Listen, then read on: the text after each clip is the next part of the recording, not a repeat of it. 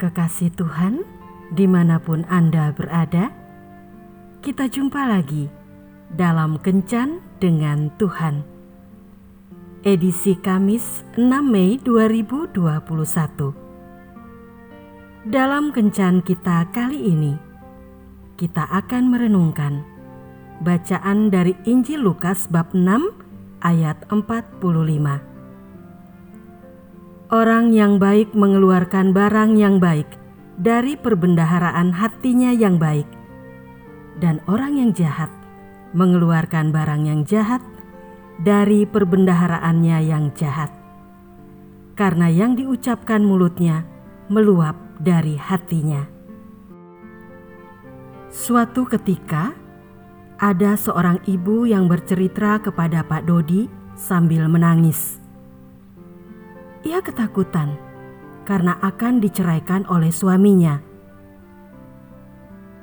Sejak kecil, ia selalu mengalami perlakuan kasar dari ayahnya, baik itu perkataan maupun tindakan. Saat itu ia mengaku bahwa ia telah mengampuni ayahnya. Akan tetapi pengalaman diperlakukan kasar oleh ayahnya ternyata telah membentuk dirinya berkarakter sama seperti ayahnya. Ia menjadi wanita sekaligus istri dan ibu yang kasar dalam perkataan dan suka memukul anak dan suami.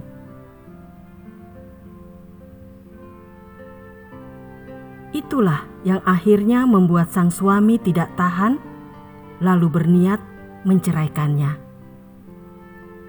Setelah suaminya berniat menceraikannya, barulah ia ingin mengubah sifat dan karakternya. Banyak orang mengalami pengalaman yang diperlakukan tidak baik di masa kecilnya. Hal ini berdampak besar bagi sikap dan perkataannya setelah mereka menjadi dewasa. Tidak jarang kita jumpai orang yang punya hobi membicarakan kejelekan orang lain. Atau setiap kali berbicara, kata-katanya selalu menusuk dan menyakitkan hati orang lain. Kalau kita telusuri di masa lalunya, pastilah ia mengalami pengalaman disakiti di masa lalunya dan berbekas hingga kini.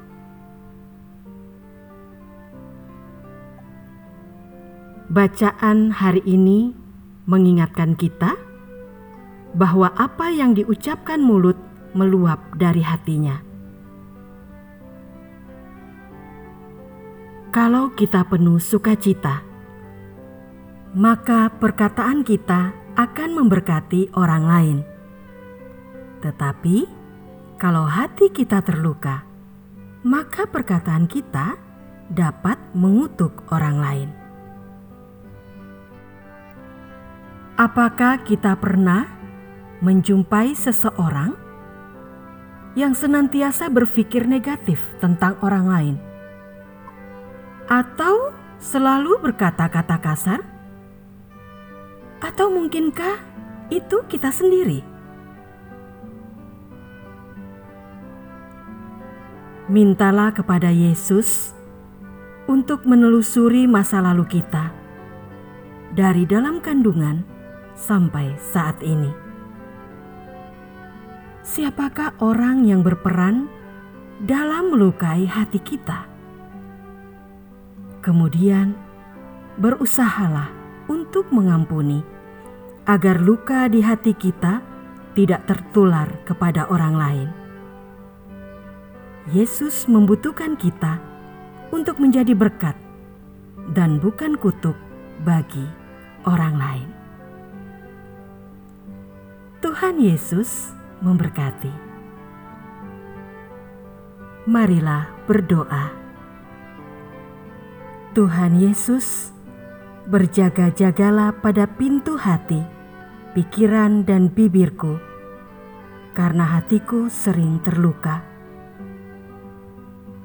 Sehingga aku sering berpikir negatif terhadap orang lain, dan tanpa sadar setiap perkataanku selalu menyakiti orang lain. Masuklah dalam masa laluku, ya Yesus, dan pulihkanlah hatiku dari setiap luka karena perlakuan kasar.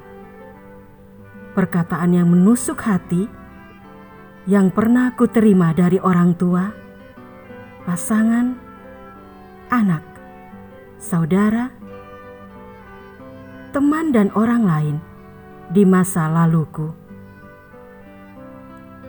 Bantulah aku agar aku mampu untuk mengampuni mereka satu persatu, sehingga semua akar kepahitan yang selama ini mengikatku dapat terlepas dari hati, pikiran, dan perkataanku. Yesus, jadikanlah hati, pikiran, dan perkataanku menjadi hati, pikiran, dan perkataanmu sendiri. Amin.